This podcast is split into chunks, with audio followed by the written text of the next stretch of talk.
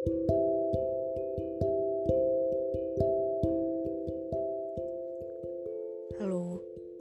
selamat malam. Hmm, hai, hari ini saya mau cerita, bukan puisi, tapi jangan baper ya. Tapi ya udah deh, gak apa-apa. Urusan baper kan gak bisa ditahan. Oh iya, saya pengen tanya. Udah berapa lama kamu melupakan keajaiban tahun lalu? Atau yang lalu lagi? Itu si nenek moyangnya lalu. Tapi jawabnya besok aja deh. Kan bentar lagi mau tidur. Ya walau bagi sebagian orang bentar lagi bisa berarti habis subuh atau minimal di atas jam 1 para petidur pagi. Besok rencananya mau ngapain? Jangan lupa sarapan ya.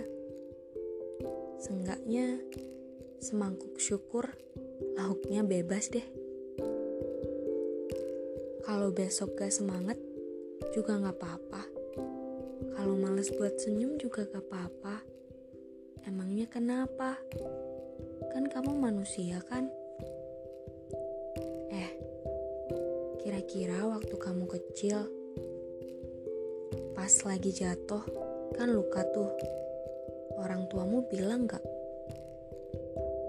Makanya hati-hati kalau jalan dilihat, terus kasih obat merah.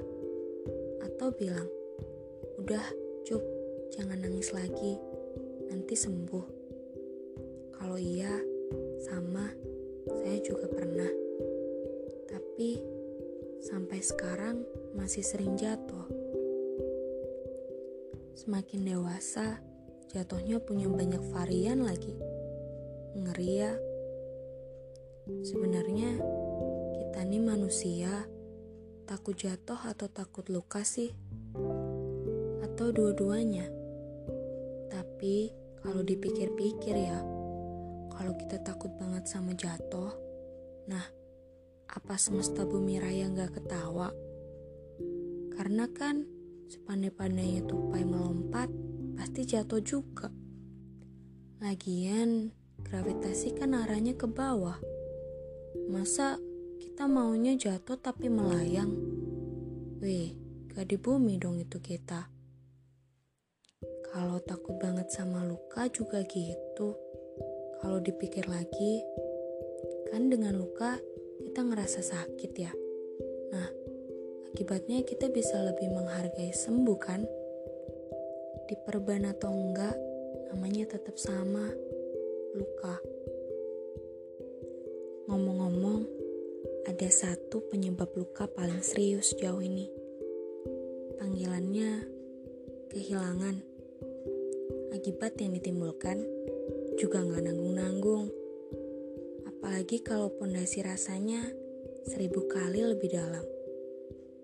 Ada kata-kata yang bilang, kamu bisa jadi sebuah paket yang sangat komplit isinya, pokoknya udah pas, tapi tetap berakhir di alamat yang salah.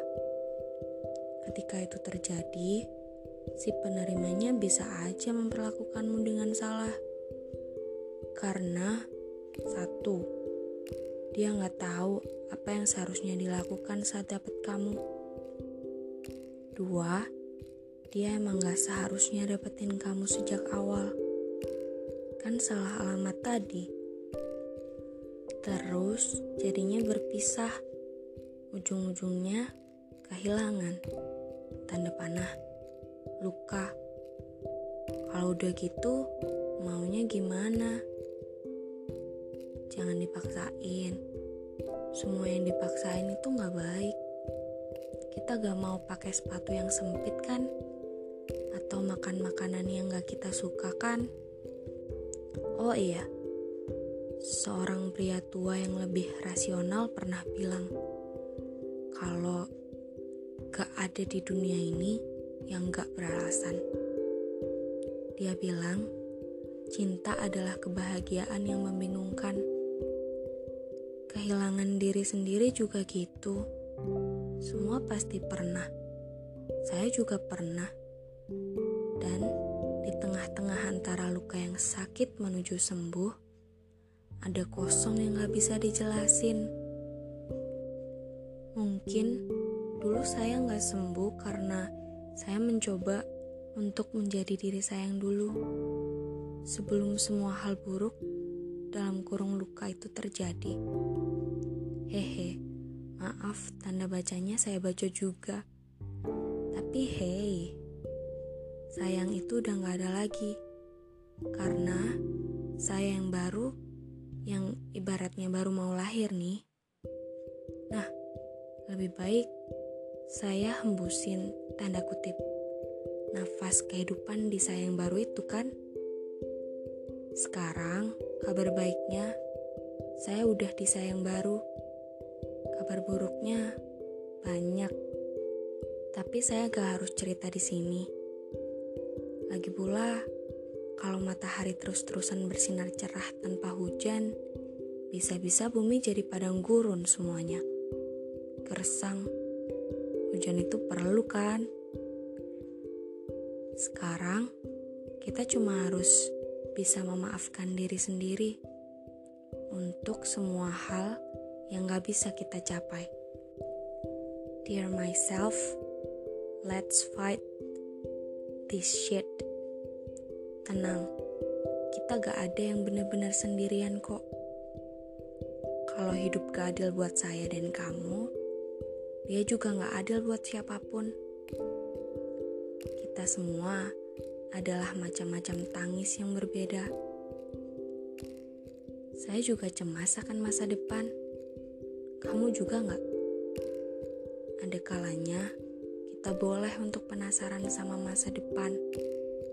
Penasaran aja, itu udah cukup kok. Gak perlu sebegitunya berharap ke hal yang gak pasti. Tapi jangan terlalu santai juga. Satu suap ilmu baik Cukup kok tiap harinya. Setidaknya sebelum kita sama-sama menemukan tujuan hidup kita.